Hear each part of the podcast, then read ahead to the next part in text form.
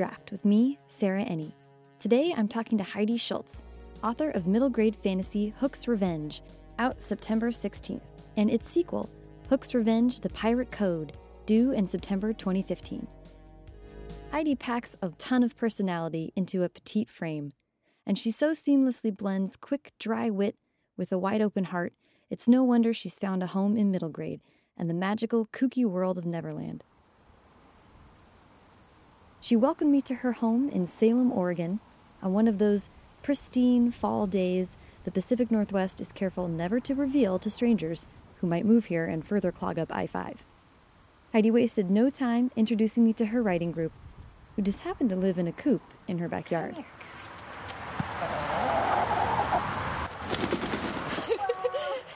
Okay, so I feel like people who follow you uh, on Twitter and in various places will know about these the chickens. Yes, How long- absolutely. how long have you guys had chickens? We've had them for three years now. Um, my daughter, uh, so uh, there's a farmer that we know that I used to buy eggs from and raw milk, and um, and when Hannah was. 10 he asked if she wanted to work for him a few hours a week and so she loved it. She it was the summer we were reading farmer boy and ralph moody's little britches so we were really into farms and and so she she would go to work for him and then he would pay her every week with our egg and milk order and he, he was so great. He would tell her tonight when you have a glass of milk with your dinner you've helped put food on the table and it was it was an awesome experience. So she loved helping to take care of his chickens and then um, he had some chicks hatch and so he called up and said, Hey, I've got these chicks. Does Hannah want to raise them? You don't have to keep them if you don't want to, but you can just raise the chicks at home. I'll give you everything you need. And then if you want to keep them, you can keep them. If you don't, just give them back when, when they're grown up. But I thought that that would be a fun experience for her. And so that was our first foray into chicken husbandry. yeah. So let's go out and I'll see if I can catch one. And sometimes they let me. Um, see on the back door here, this is where I work, and quite often they'll come and peck on the door while I'm working, which I think is, you know, it's really hard to be a writer. And I mean, I'm sure all writers can kind of relate to that oh, a chicken knocking on the door and just interrupting your creative process. so, come here. This here is Liza Minnelli. She's named because of her feathery hair here. She's, she's got a big tuft of feathers on the top. This big red one, her, her name is Sarah Jane. My daughter named her after uh, Doctor Who. Um, yep. Oh, Liza wants to fly off here. Uh, and then we have Liza Minnelli. and We have Fat Amy. And she's a blonde, and she, she's she's not full grown yet, but she'll be big. This black one here is named Apple, kind of a poisoned apple, and uh, about Gwyneth Paltrow nod, maybe. no, no. oh, and she's all black. Um, she's an Australorp. And let's see, who am I missing? Oh, we have Matilda over here, speckled speckled brown one. Now is that Yeah. after the Yeah, character? yeah, I, I love Roald Dahl, um, which probably it makes sense given the you know I like the the little more subversive humor and Oh yeah. gosh, the best. middle Yeah. if I could find a way to channel the humor of a chicken running into my writing, they're the most. Look, they, look at these guys running right here. They're the most hilarious thing ever. and like watching a yeah, dog on like the beach just go yeah. This is not meant to happen. Yeah. So they're messy. They poop all over the patio, and my husband hates that we let them range free during the day. But they're just so much fun, and the eggs are great. The eggs are amazing. So, yeah. This is a blast. Do you mostly write then at home in the Yeah, office? yeah, Do you I do. do. a coffee shop? I do sometimes, um, and it's funny that it seems like I um, will go through different phases for different projects. I wrote a lot in the public library for Hook's Revenge. They have a quiet room there, and I just felt like that that was my place for that. I don't know if it's because the deadlines have been tighter or um, what it is with this second one, but I have felt this really uh, almost this drawing in. I want to be home, and more often than not, I want to write in my bedroom instead of here at my desk. I, I don't know why. Maybe just because I have less time and I just want to cocoon somewhat. I but think I go through phases like that too. But there's a couple months at a time where it's like, no, I just go to the same coffee shop and order the same thing, and I'm there for two hours, and that's what it is. And other times I was riding on the metro, or just it, yeah, Yeah. it depends. But I think I totally relate to that. Different projects call for different things. And Yeah. right in different ways. Yeah, and I think another thing about writing at home is that I, since it's been summer and my fam- my daughter's home, you know, I don't want to leave during the middle of the day and just hey, hey, uh, you're on your own. I mean, she's old enough; she's she's 13, she's almost 14, but I, you know, I I don't want to just abandon her all day every day. She's so old enough to enjoy time with. yeah, yeah, I like her. I, we've decided to keep her, and uh, I like to spend some time with her. And so um, I tend to write earlier in the morning or later at night, and I don't want to get dressed and go to a coffee shop or you know At five in the morning. Yeah, yeah, yeah. yeah, that's yeah. a good idea. I'm doing well. Thanks for having me over. Uh, it's a gorgeous morning in Oregon. I'm like, I've been so lucky in the Pacific Northwest so far and San Francisco. It's been like not foggy, not rainy. It's been glorious. It rained over the weekend though, and I was Yeah. really excited about the rain. I think I bleed rain. I'm a true Oregonian. I love it. That's awesome. Ready for it to come back. Well, that leads into my first question, which is where were you born and raised? I actually was born and raised here in Salem. Um, well, in a in a smaller community just north of here, Keizer. Okay. And um, yeah, I've lived here almost my whole life. My husband and daughter and I lived in Maryland for a few years, 2004 to 2007. Okay. When I came home. So. It was Maryland. Yeah. And was that work bringing you out there? Or? Yeah, um, we we owned a mortgage, or my husband owned a mortgage company here, and decided that things were going really well well there at Mm-hmm. the time. So um, we moved there and opened a satellite branch. Wow. Yeah, That's we cool. thought we'd stay, but um, my, he only has one brother, and his Hmm. brother lives there too. Okay. And his parents were going to move out, but his dad had MS and got sicker, so we moved back home to be with him before he died. So, Yeah. and we're glad we're home. We, Yeah. love it here. When did you start writing? Um, I've always told stories and and written just for fun. Mhm. I was the kid at the slumber party that would scare everyone with the stories, but then they'd all fall asleep, and I'd keep myself up awake most of the night, being really Oh. afraid. I always thought that I would write a book, but I was waiting for the right idea, which Mhm. I've learned since then that the right idea usually comes when you're writing the wrong one. You just start Ah. writing and things come. But Mm-hmm. um, luckily, an idea did come, Yeah. or I'd probably still be waiting. So And and it is Hook's Revenge, it is yeah. Fixed Revenge. so yeah. how did that idea come about? Um, it was actually quite a long time ago. It was, um, I think, about eight years ago now. Let me back up a little bit. Yeah. I always loved Peter Pan, Mm. but I didn't actually read the original until I was a young adult, Okay. and um, and I was so charmed by it. I just I really love J.M. Barrie's writing, and um, so when my husband and I adopted our daughter. Um, that was the first longer than one sitting book I decided to read to her. I have no idea why I decided to read this classic novel to a two year old, but I did. And I told her that I would tell her a long story and she could stay awake and play quietly as long as I was reading. And, and, sh- and I didn't think she was listening to any of it because she would just play with her toys. But after about a week of reading, she started acting things out that I had read to her. And so it was sinking in. Like she'd say, Oh, my fairy is sick, clap your hands, you know? And, and it sparked her imagination to where Peter Pan became her imaginary friend and her alter ego. And so I could look at her from across the room and see if she was pretending to be Peter Pan because her body language would change, everything would change. And so we spent a few years fighting pirates together and Yeah. um, just really steeped in Neverland. Oh my gosh. When she was about six, five or six, I got the flu one day, and you know, moms can't just go to bed. No. Yeah, yeah. So I was really sick, but um, I pulled out the couch, made a bed on the couch, and I put on movies for her, and I slept. And so she first watched Hook, and then she watched the 2003 live action Peter Pan, which. If you haven't seen that, I, I totally recommend it. It's just it's amazing. It's my favorite Peter Pan adaptation in a movie. And so she watched both of those, and then um, by the time the second movie ended, I woke up and I thought, well, what if Captain Hook had a daughter? And I just got this image in my mind of this girl with this white dress with mud all over the hem, and she had these wild curls, and she was wearing Captain Hook's jacket, and it was too big, and it was dragging on the ground, and she was just sassy. She just demanded that I tell her story. So I started writing down some ideas and playing around with it, and I figured out what her goal was that she was going to avenge her father on the crocodile that ate him.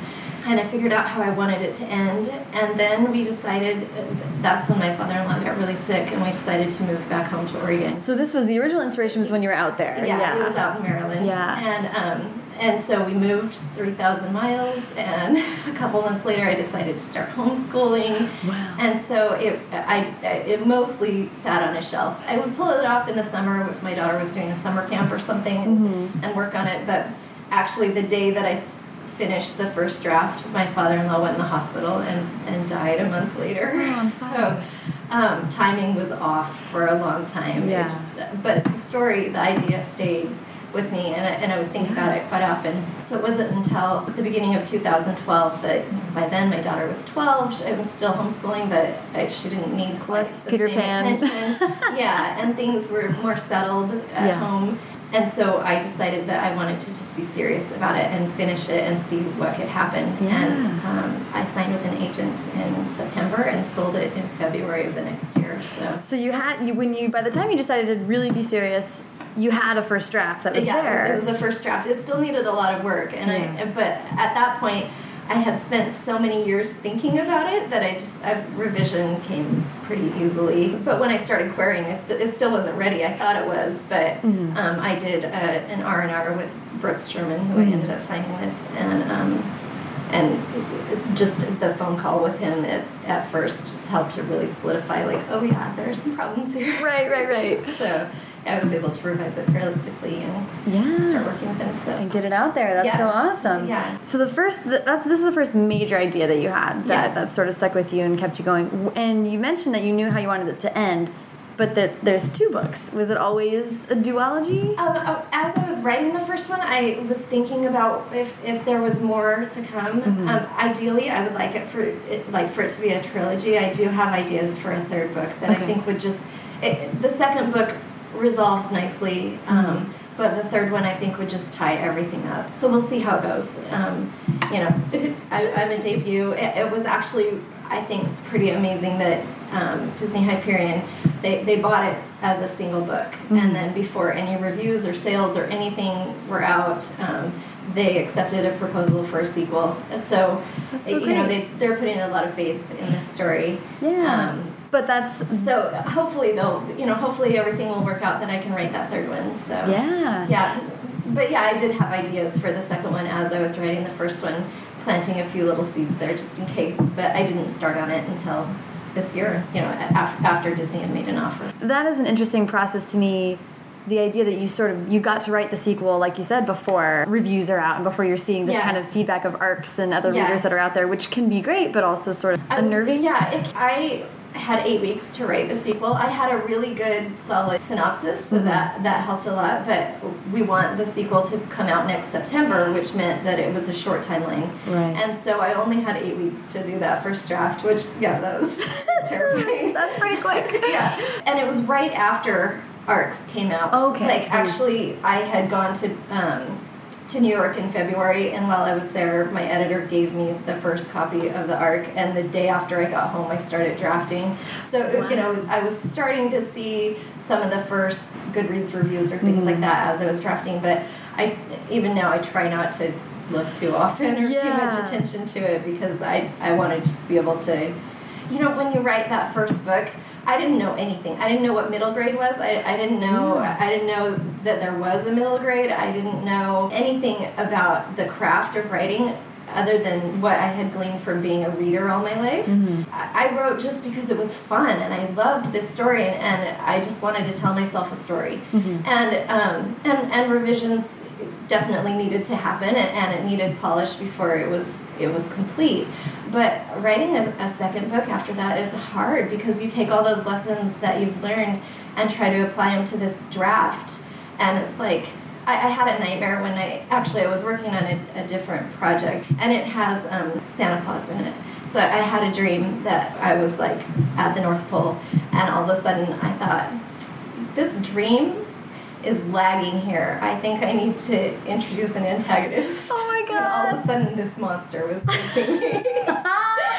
oh my god, you're lucid dreaming with story arcs. Yeah, Like, oh yeah, no, pick it up. Yeah. That's hilarious. So, but that's the kind of anxiety I think that a, that a second book um, can create because Oh all of a sudden gosh. you know all of these things, and yeah, you can't really apply them to a.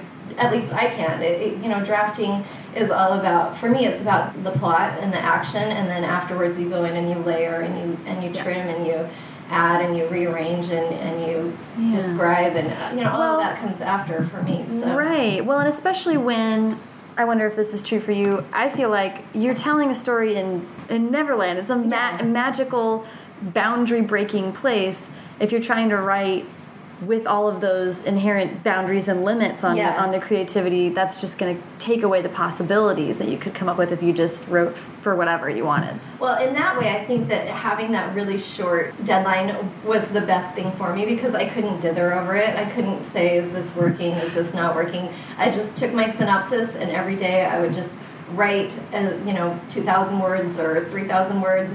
My fingertips got sore, you know, and I would just write and not worry about it. And so I actually ended up doing two drafts in that time period because I, I wrote the first draft in, in um, just a little bit over a month and then decided that one plot element was too complicated and needed to be streamlined and, and then that changed the order of quite a lot of the scenes. So thank goodness for Scrivener because I was able to just move everything around and highlight like the transitions need to change now because it's in different order and Yeah. and you know I was able to quickly go through and so I, I guess I had that zero draft and that first draft before I turned it. I was gonna say zero drafting. That's that. Yeah. I'm all about that. same and same with me. It's like Scrivener saves my life. And the other thing that's really scary is that I would never normally even show like a beta reader a first draft and then to have to turn it into my editor and you know that was kind of scary but she's great and yeah That's so she's funny. not scary the process was Definitely for Hook's Revenge, it's a narrator telling the story, Yes, and the yes. narrator is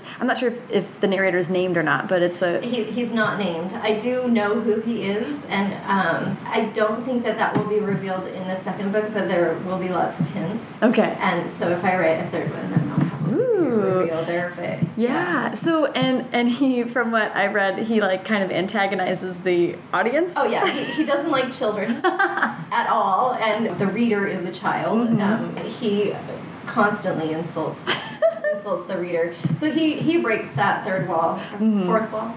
Third. One wall. them. He, lots break- of he breaks the walls. wall. He crashes through like the Kool Aid Man.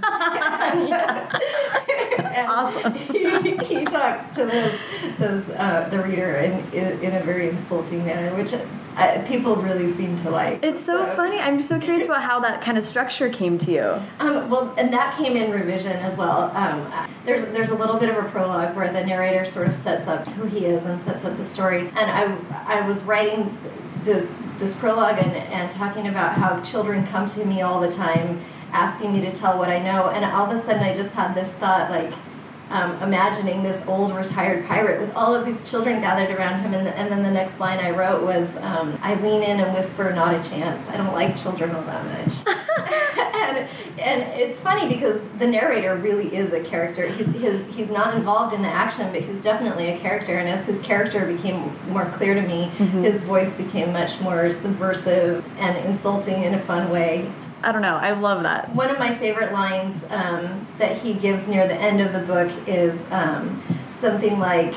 We've reached the point where I've nearly finished spilling my guts, and you'll have to leave before I'm tempted to spill yours. He's just very like, hey, yeah, I just don't like you, and I'll tell this you tell this story to you, but please just leave.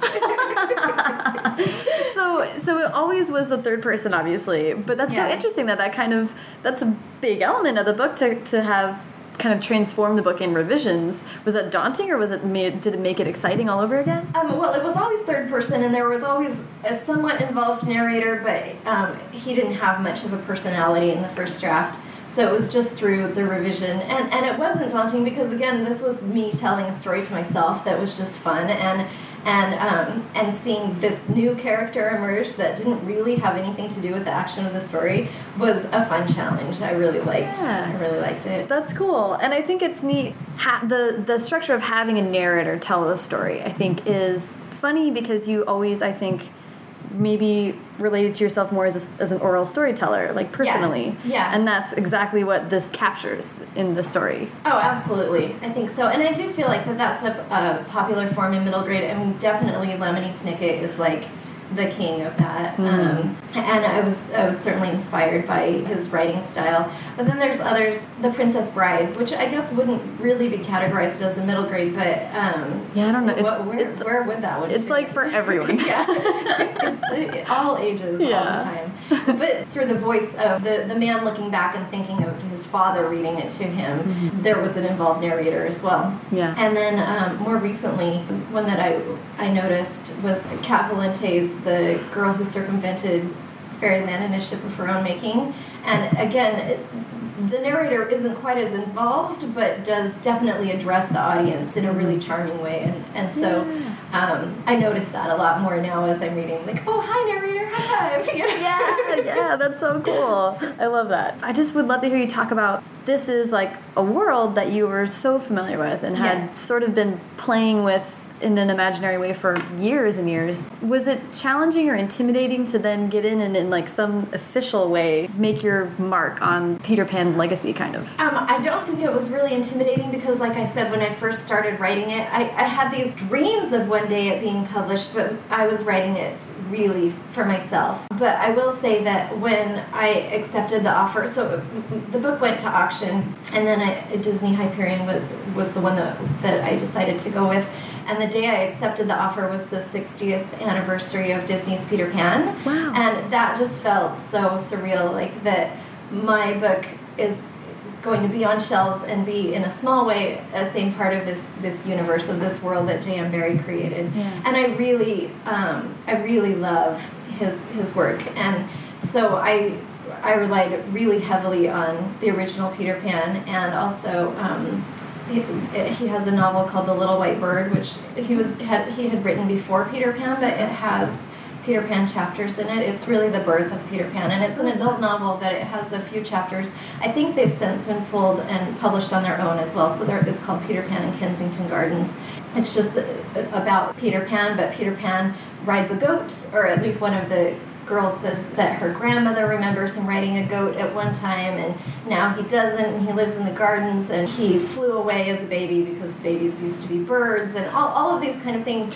Um, not all of it was carried forward into the actual peter pan or peter and wendy but um, it, it is sort of his origin story. Yeah. And um, and the whole book the, the, little white bird is just beautiful. I, I love so the book.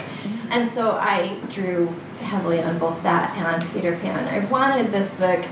I, I love that there are lots of interpretations of Peter Pan. I, I, think that that's really cool. There's something about the story that's timeless and really lends itself to being renewed and, and thought of in different ways.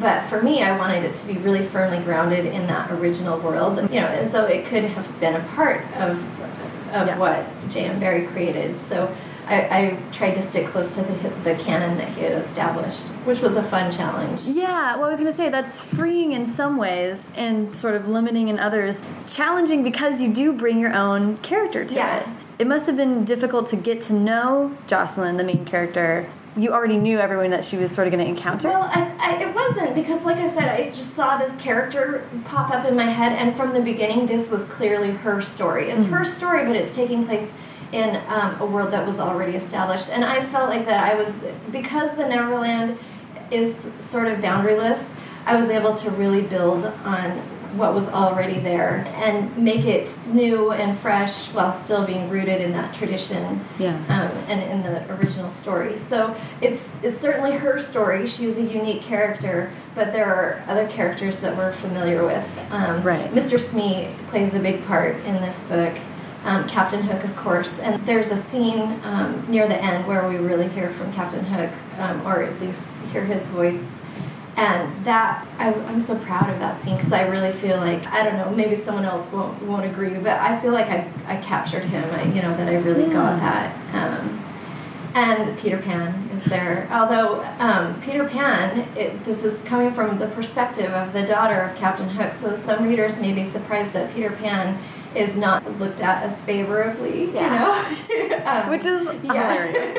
yeah. yeah. You know, she's not a big fan of Peter Pan, yeah. like her dad wasn't. So What was it like to see the story from this different perspective? Well, it's really interesting because I started thinking that Peter Pan's kind of a jerk myself, and I never thought that before. but when you think about it like that. I, I started Yeah. Sympathizing more with Captain Hook, and I, I have to say, Captain Hook is a villain, and he is a villain in this book. I, I, I don't soften him, I don't make him the good guy, um, but I try to show a little bit more of his humanity through the eyes of, of his daughter. Yeah. Um, but he, he's definitely bad. But the more I got into this story, the more tragic he felt to me. Yeah. And the more obnoxious Peter Pan felt to me. And I love Peter Pan, but that.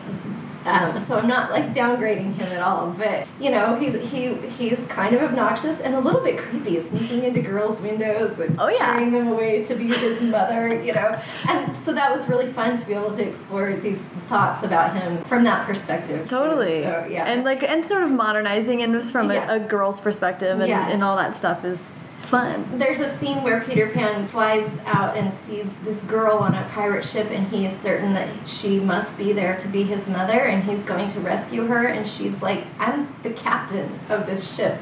I don't need to be rescued. You know, Get out of here. I'm not your mother. I'm not. I'm not going to be here to tell you stories and and make you take your medicine. Just leave." and he really just doesn't know what to do with that. That's so funny. Oh my god. I've been talking to people a lot about setting, and so I'm going to separate a discussion of setting from a, discussion of place because I want to Sure. talk about where you lived later. But oh my gosh, there's no more intense way that a setting can be a character than Neverland in Right, this story. I mean, it's just it has to be addressed as much as every character.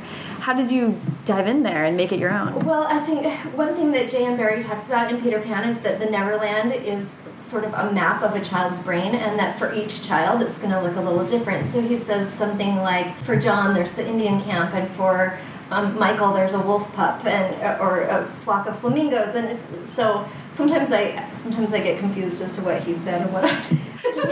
But he talks about how it's personal to each child, which means that it's it's limitless, which means that I could create really anything there. I did stick with the fact that it's all four seasons at once, which was a lot of fun. So it when it snows, it's warm snow, and it, just like you leave your dinner sitting out and it gets cold, the snow gets colder and colder as it lays on the ground. Oh, interesting. Um, as Jocelyn, eh, Jocelyn goes through different areas of the Neverland, she might be in a tropical jungle or she might be in a woodland forest and might have fall leaves crunching on the ground while there's still spring flowers popping up. Mm. Um, and so those were sort of subtle things, but I just, I did um, pay attention to the fact that it's always all four seasons Yeah. at once.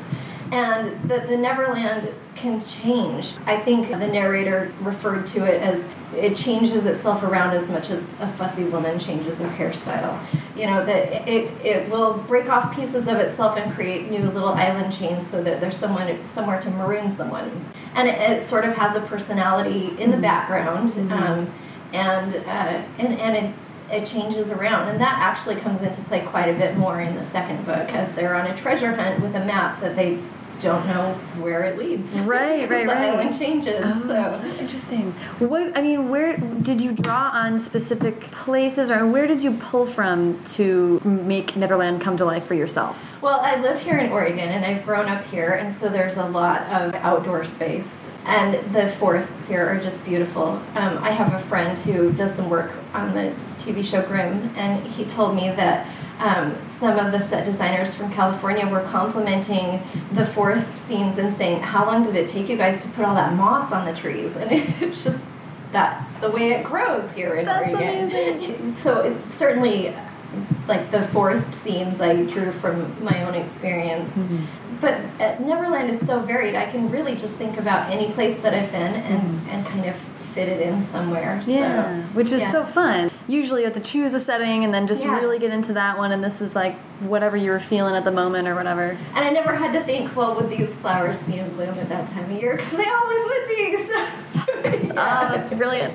Um, then you have an artist come in and give this whole other interpretation of your work. What was that like? I think that I'm going to start a John Hendrix fan club. I am so in love with his work, and it was really cool to see. First, the first thing that I saw was the the front cover, and um, actually the the full wraparound because the back has has an, another pirate on it too. His interpretation of the pirates is actually quite a bit different than the way that I imagined them, but better. um, because he's taken he's made the pirates they're tattooed and they're you know they're they're really mm-hmm. tough looking and it's almost like those those Hell's Angels that go and like give teddy bears to sick children Yep. or something. Yep. My the pirates in my book, they're not very fierce, but they want to be, and it makes a lot of sense that they would make themselves look really fierce. Mm-hmm. They pretend a lot. In fact, like there's one one armed Jack, and if you look at the back cover, you can tell that that's who it is. Jack actually has two arms, but he keeps one tucked inside his shirt because he he wants to look like he's battle hardened, and they're all sort of like that. So if you look on the back cover and you look closely, you'll see that he has a hand poking out a little bit. You know, his his arm is is tucked inside his shirt, and you can see it poking out his vest. Oh my god, that's Um, hilarious. Yeah. So to see them drawn in this tougher way was just really cool. I really liked seeing that. and then Jocelyn, he's he was just spot on with her. It's just amazing. And then he did um, interior illustrations as well. There's five um, full page interior illustrations, and they are just incredible. Yeah. I, I, I flip flop a lot about what my favorite is. Um, although there's there's one that is always close to the top, and that is Jocelyn and her best friend Roger. It's while she's at finishing school, and they have this secret place that is their special place. It's, it's an old carriage house where all of the stuff that the school casts off is, is stored there. So it's almost like your grandmother's attic. And they go there a lot, and they read books, and they practice sword fighting and things like that. And there's a, a picture with um, Jocelyn laying on the, or you know, she's sitting upside down on the couch, so her legs are up over the back, and her head is hanging down, and Roger's sitting on the floor next to her. And I love that one so much because when I wrote that scene and I sort of put her in that position and put them sitting there talking, it was the first moment that their relationship sort of became clear to me, that their friendship became clear, and to see that on the page is just amazing. I love it. Yeah, that's incredible. Well, and it's so I find it interesting in this in just that it's his interpretation of your interpretation of something that's Yes. pre-existing. So Yes. it's this it's this nesting doll of artists engaging with this world. It's just so kind of tickles me. Yeah, but there's something about Peter Pan and Neverland that really seems to lend itself to that, maybe more than any other book. It's constantly being remade and and renewed. There's something about it that I think is timeless, which is kind of funny because the Neverland and never growing up, but Yeah. the story doesn't grow up, or you'd never outgrow that story. And Yeah. so I think that it's something that is just really open to new interpretation. It changes around just like the Neverland itself does. Yeah. You are also an artist with magic markers. Oh, yes.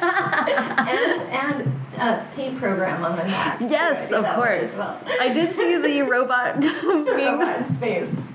being launched. He was sort of sadly being launched into space.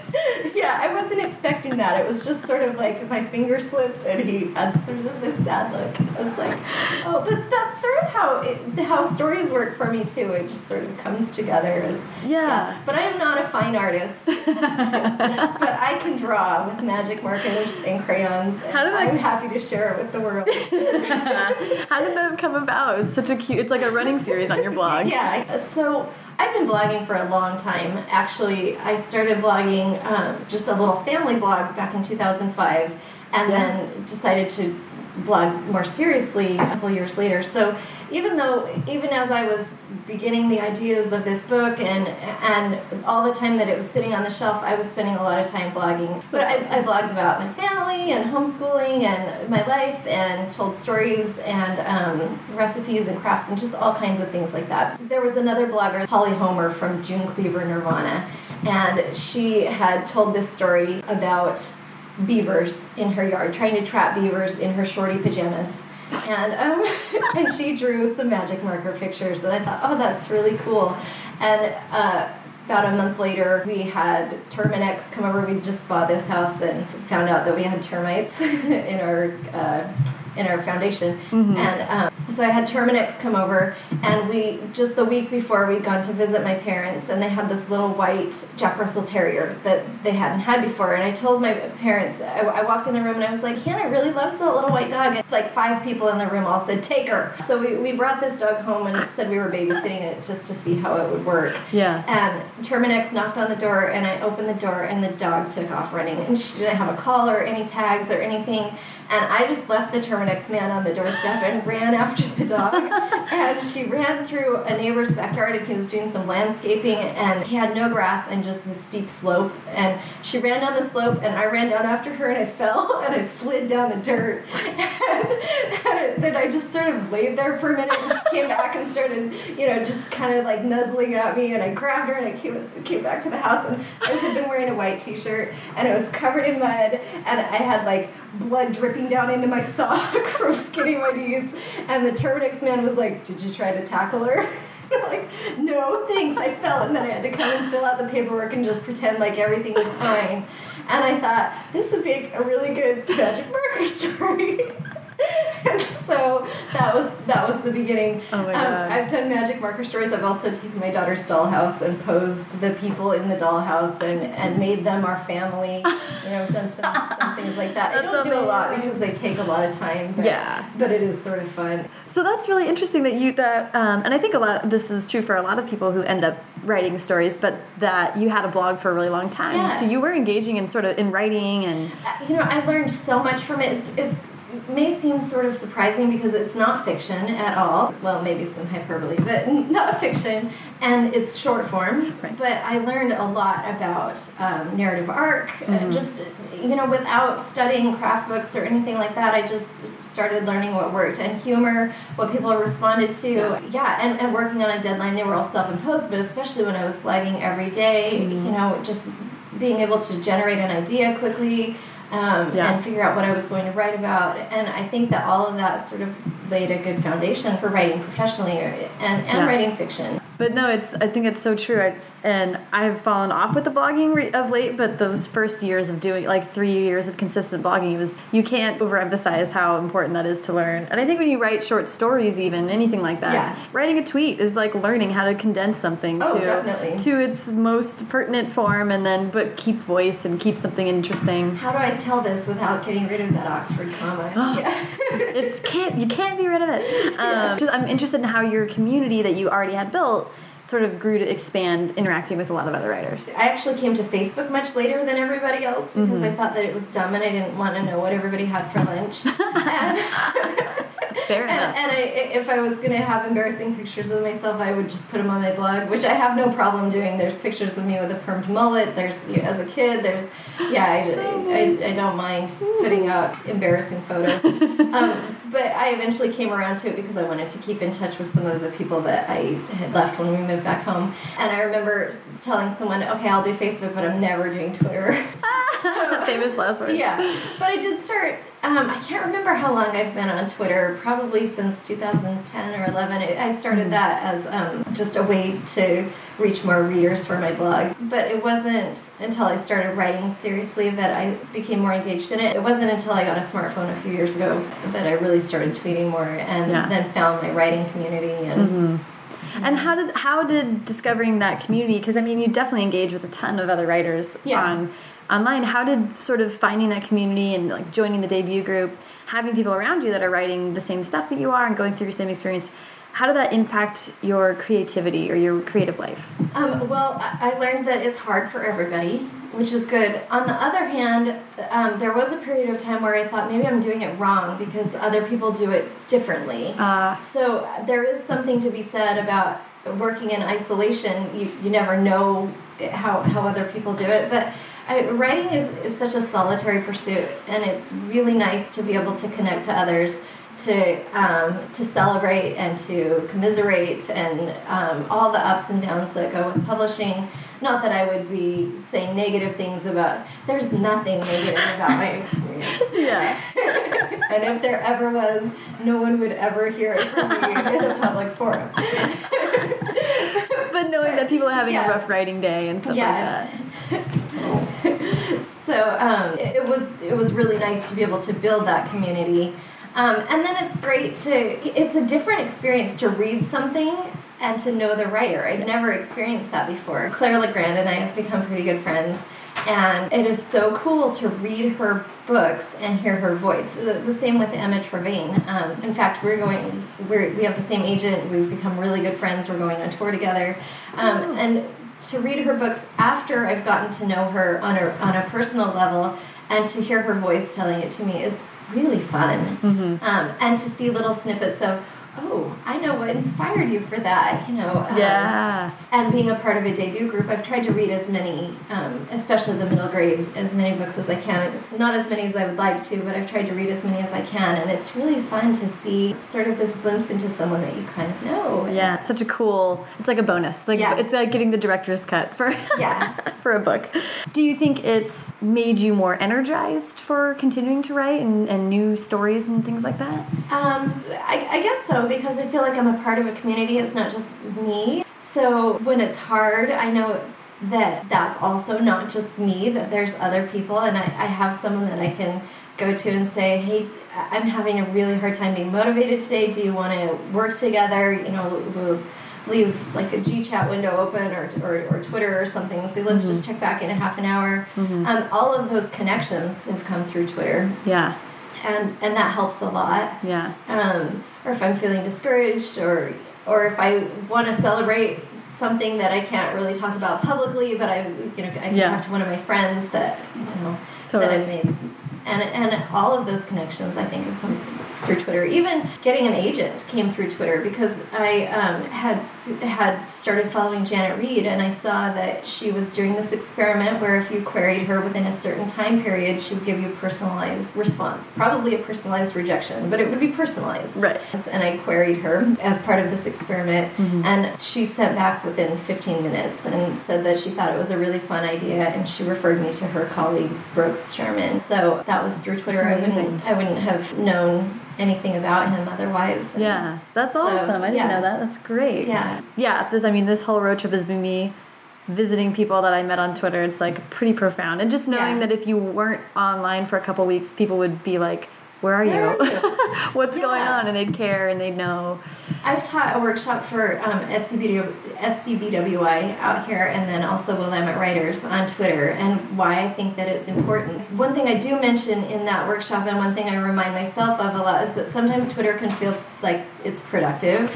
Um, because you're connecting with your readers or you're networking or you're reading things that other professionals are saying. I heard someone once say, refer to that kind of work as your shadow career. You can really sort of build that feeling like you're doing something and it feels better than the hard work that will actually move your career forward. Mm-hmm. So that is something to think about, but I feel like I have a pretty good balance there. Yeah. But I think that any new writer or even any writer really can glean a lot from being on Twitter. Mm-hmm. And my my book went into a second printing even before I knew the first printing had happened and I think that uh, that had a lot to do with pre-orders and people being excited. Those were my friends on Twitter. So so grateful for them and That's yeah. awesome. I love it. I love it. For some people, it doesn't really work, or their their personal Yeah. tastes don't translate to it. But if it's makes you feel energized and excited and gives gives you friends, Yeah. it's like.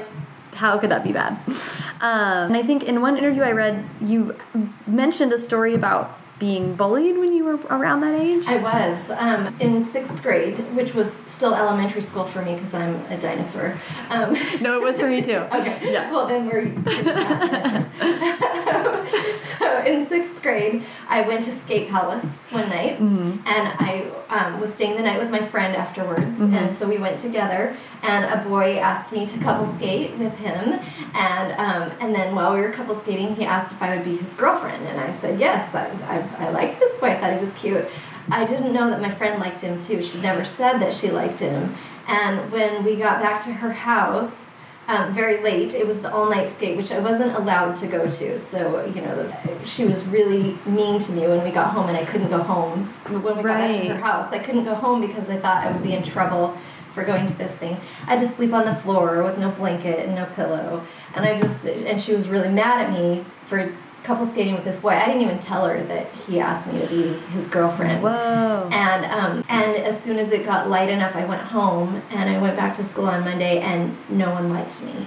It was they, it was it was really like where I would on recess walk around the, the track by myself with a pack of girls following me, saying mean things about my clothes or my hair, or, which was a permanent mullet. So you know they they were right, but home perm. But um, And, and then I would, on several occasions, would get my coat out of the coat closet at school, and it would have mean notes in it. Um, which actually is a scene that ended up in Hook's Revenge. One of the notes, the only one that I remember, and I actually could appreciate the humor of it now, being many, many years removed, but it said, Dear Heidi, and Heidi wasn't capitalized. And she, and she said, Please notice I didn't capitalize your name because you're not important. So she had been paying attention in English class Man. and learned about oh common Oh my nouns. gosh. Burn. But, Writer burn. yeah, it was a good grammar burn. But it, was- it was really hard. Yeah, and that's- it lasted the rest of the year. It was another two months. And then Oh the next year we were in middle school and there were new kids and it was it was fine again. But yeah, it was it was hard. Well, and that's profound for Yeah. that age. It's two months of torture. yeah. I mean, yeah. did you feel like, and the reason I'm asking about it, I don't mean to be weird No, about it, but it came out in your writing. You were able to, you know, use that in your writing. It's when when things like that happen to people at a certain age, and then they revisit that voluntarily with creatively. Yeah. I think there it's a there must be something that really sticks, you know, from Oh, what definitely. happened. Definitely. And I mean, I don't want to get into a lot of details, but home was hard at that time too. Mm-hmm. So um, the only escape I really had was through books. And I had always loved to read, but I think that at that point in my life, those books were life saving. Like, that was the only thing that brought me any comfort or solace or joy.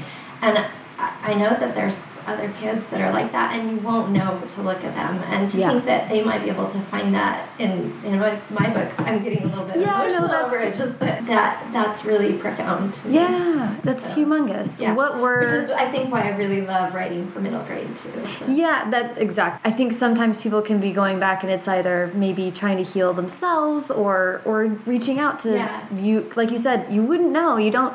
Interior lives of kids are. Um, I talked to um, Erin Jade Lange about this too because she had a bullying experience when she was younger, and and we were agreeing like when you are bullied at school, you don't want to go home and talk to anyone about it. Yeah. Whether or not you even could, it's like the last thing you want to do. You are forced to live in this world for eight hours a day.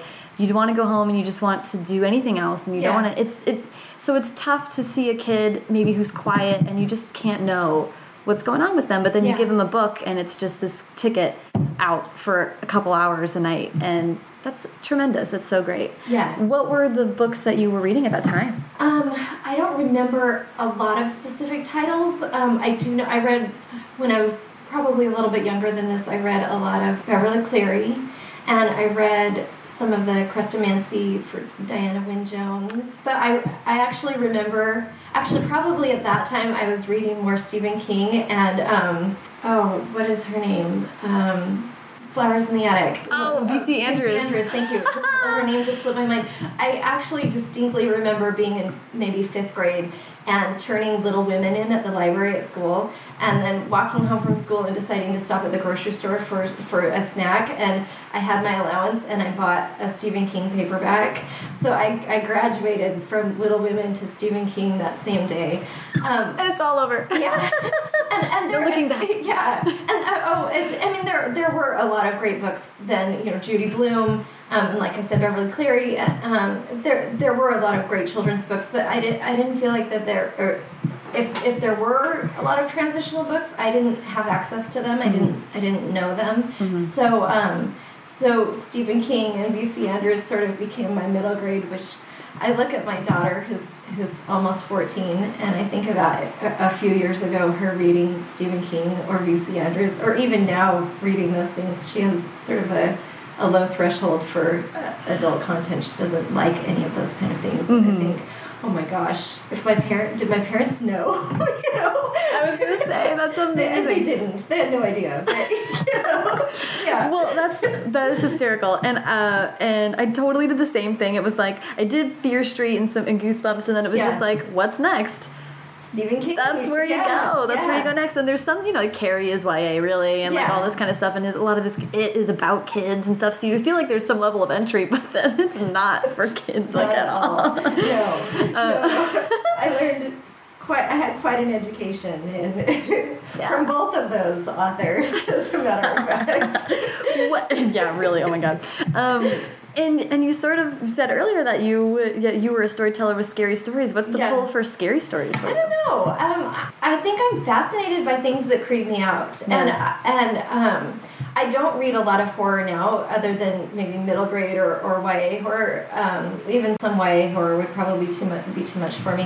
I think that my sensibilities changed a lot when I became a parent, and there are some things that I just don't want to delve into, and I'm sort of careful about the content that I put in my brain because I know the power of a book and I know that you can carry it for a long time, carry it for your life. And there's some things I just don't want to carry. But I like creepy and I and I, I like um, so I, I, guess I like creepy stories more than horror stories. Well, and Claire LeGrand comes to mind yes, right away. I love I love her writing. I love um, Cavendish Home and Year of Shadows. In fact, I think Year of Shadows even more because it just has this emotional center that I really um, connected with. Mm. And yeah, Lemony Snicket. I mean, yes. this sort of sort of tripping along the line of like a little creepy, mm-hmm. un, like recognizing the darker side of yeah. stuff, which I think kids really respond to like hugely. We, um, my my daughter and I just went camping with her. She's homeschooled, but she goes to a co-op um, a few days a week, mm-hmm. and it's a large school. It's kind of almost a hybrid between a private school and homeschool. So we went on a camp out with 27 other families from the school, and we hosted ghost stories at our campfire one night. And I brought the Cabinet of Curiosities, which Claire is a contributor to, and, mm-hmm. and so is Emma Trevayne and Stefan Bachmann and Katherine Catmull. And so I read a few stories from that, and then we we told our own ghost stories. That's cool. And, but the kids all really like that. Yeah. And, you know, I think that telling creepy stories. I mean, even for children, putting the that creepiness in sort of a safe parameter where you can explore what scares you. I think that's important because kids are dealing with a lot of scary things in their day to day and may not know where to put those emotions. But if you read a scary story, you can sort of be in touch with that and and go oh yeah this is scary and and this is why.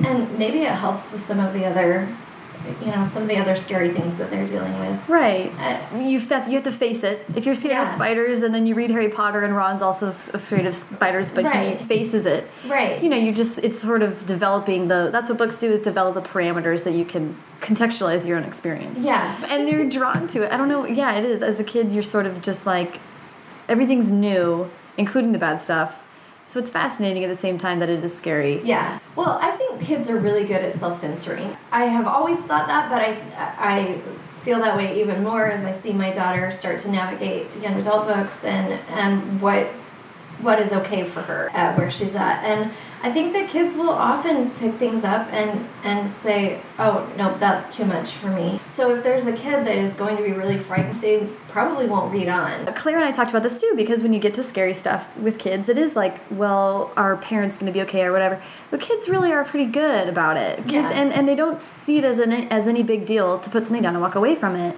And when you were talking about your daughter not feeling like she's ready for the adult stuff, it's like that's coming from her, you know? Yeah. She fully recognizes that and that's huge. When you're talking about kids' movies, it's harder to do that because they'll see it and they can't unsee right, it. Right, right. And I think that movies are such a social thing in the moment that you don't often feel free to get up and walk away. Oh yeah. Or turn it off. And there's there's too much peer pressure. Mm -hmm. Books are social as well, but if you start reading something at the same time as your friend and then decide not to finish it, um, you can always just say, I haven't finished it yet. Yeah. Or, you know, I mean, maybe if everyone is talking about the book, there's there's more pressure to, to read that, but no one's sitting there next to you as as you read it. Yeah. So it's inherently a solo yeah. thing that's just up to you. Well, and I think the other thing is is that with books we're we're limited and unbound by our imaginations, right? With yeah. a movie you could see an image that you would never conjure up on your own. Exactly described in a book the mm -hmm. same way, but you won't picture it that way because you only can go as far as as, as your mind will go. Totally. Like, yeah. like The Rats of NIMH when I was a kid was like my favorite book, and then you watch the movie and I was like, this is horrifying. Yeah. like in my head, yeah. it wasn't horrifying. yeah. it was the same thing, but you but a kid can just can structure their own imagination in that way. Yeah. Well, and the movies have the the lighting and the music and all of those things that, that are intended to manipulate our emotions and make for a great viewing experience but that can also push you a little bit further into being afraid mm -hmm. and mm-hmm. having that image stick with you whereas books we read through our, a filter of our own life experience and and i think i've certainly been scared by books before i certainly was frightened by a lot of those stephen king books as yeah. a kid but um but not in the same way that a movie would scare me yeah Totally. The I think and, and another interview you mentioned that you had recently shelved a project. Yes. And I just would love to hear you what what you went through with that project and how and how you got to finally allowing yourself to kind of let it go. Well, it was the first book that I started writing. It was after I'd sold Hook's Revenge. Mm -hmm. So I felt like I had to start writing something right away. Mm -hmm. And I didn't spend a lot of time developing the idea mm -hmm. and thinking about it. I just I As opposed to this yeah. the first book you wrote which had years of yeah. prep. So I had an idea and it, it was blind panic and I just started writing it and it wasn't writing out of a sense of joy it was writing out of a i'm a writer now and i have to write another book um, it, it, wasn't under contract it wasn't anything but i just felt like this is what i'm supposed to do I, you know people were asking me what am i working on next and i didn't have anything so i just jumped right in and i still really like the concept and um, and I've been thinking about the book more and more lately, and thinking about maybe it's it's getting close to time to taking another look at it. But mm. at that time, there was no joy in it. I, I think I just about finished the draft and then had a new idea that made me throw everything but 2,000 words away. And, um, and then I threw those, threw those 2,000 words away and started over and rewrote it. I finished the draft and started trying to revise it. And I just looked at it and thought, I can't, I can't do this. I can't write this book. And maybe I can never write anything again. yeah, it's very dramatic. Yeah. But, um, it was scary, but I just thought this book is taking all of the fun out of writing for me, and so I put it away. And since that time, I like I mentioned, I ha have this other project that I had started working on before I started the second Hook's Revenge, and that one I'm really excited about. I always am curious about that because I think it's different for everyone. Some people work on many things at once and, yeah. and, don't, and it's and jumping between things is a little bit easier for them. But I'm maybe I think it sounds like we're more similar. Like I get so focused on one thing, yeah. and I just I don't feel like I have the mental energy to jump between things that much. Yeah. So when something isn't working, everything stops, and it's really tough. And yeah. it, it's really hard to say, like, maybe this isn't the right project right now. Yeah, I felt like it was admitting defeat. But I know the interview that you're talking about, I almost didn't want to mention it because I felt like I was a little bit embarrassed. But then I thought part of the reason why I felt defeated and part of the reason why it didn't work was because I was trying to do what I thought was the right way to do it. Mm -hmm. And there isn't a right way to write. I know I know especially beginner beginners want to know the answer so that we can all apply it and do it right. the right way and have success like like everyone else or you know what we see out there but my process I've found is really different from a lot of people, and that's okay. Trying to force it to fit so that I could have a, an answer when someone said, What are you working on? just really didn't work. But the thing is, is that the experience wasn't a failure at all. I don't feel like any word written is wasted because you learn from it. And, and even um, the experience of putting it on the shelf and, and abandoning this project that I really did care about, you know, but I wasn't able to make work at the time.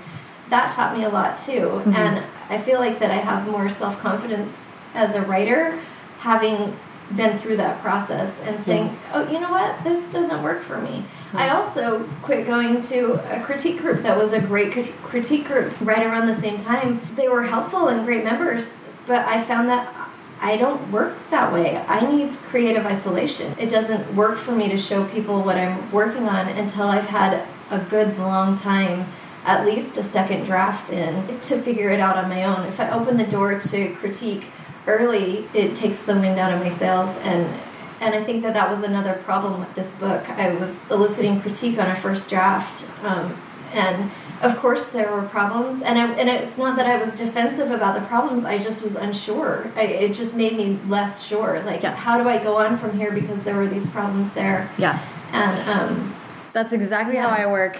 Sending little snippets to people is, is not helpful.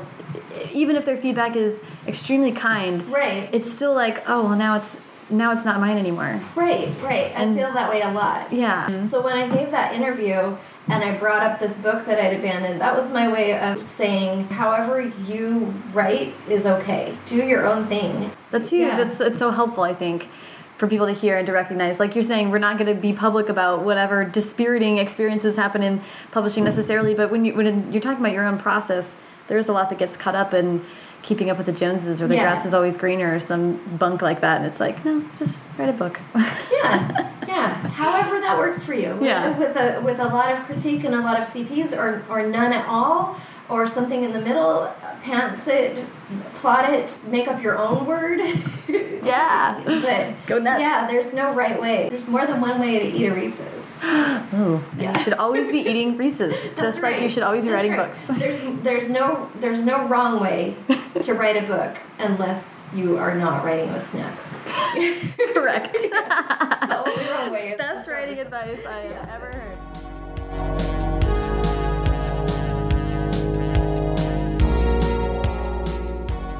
Thanks so much to Heidi. Follow her on Twitter at Heidi Schulz and follow the show at First Draft Pod and me at Sarah Enni. Bonus content from my conversation with Heidi, including the epic story of why she hates giraffes, can be found at www.firstdraftpod.com. You can also find the show on iTunes and on Stitcher. Be sure to rate and review it if you liked it. Thanks so much to Hash Brown for our theme song and for Colin Keith, who designed our logo. And thank you so much for listening.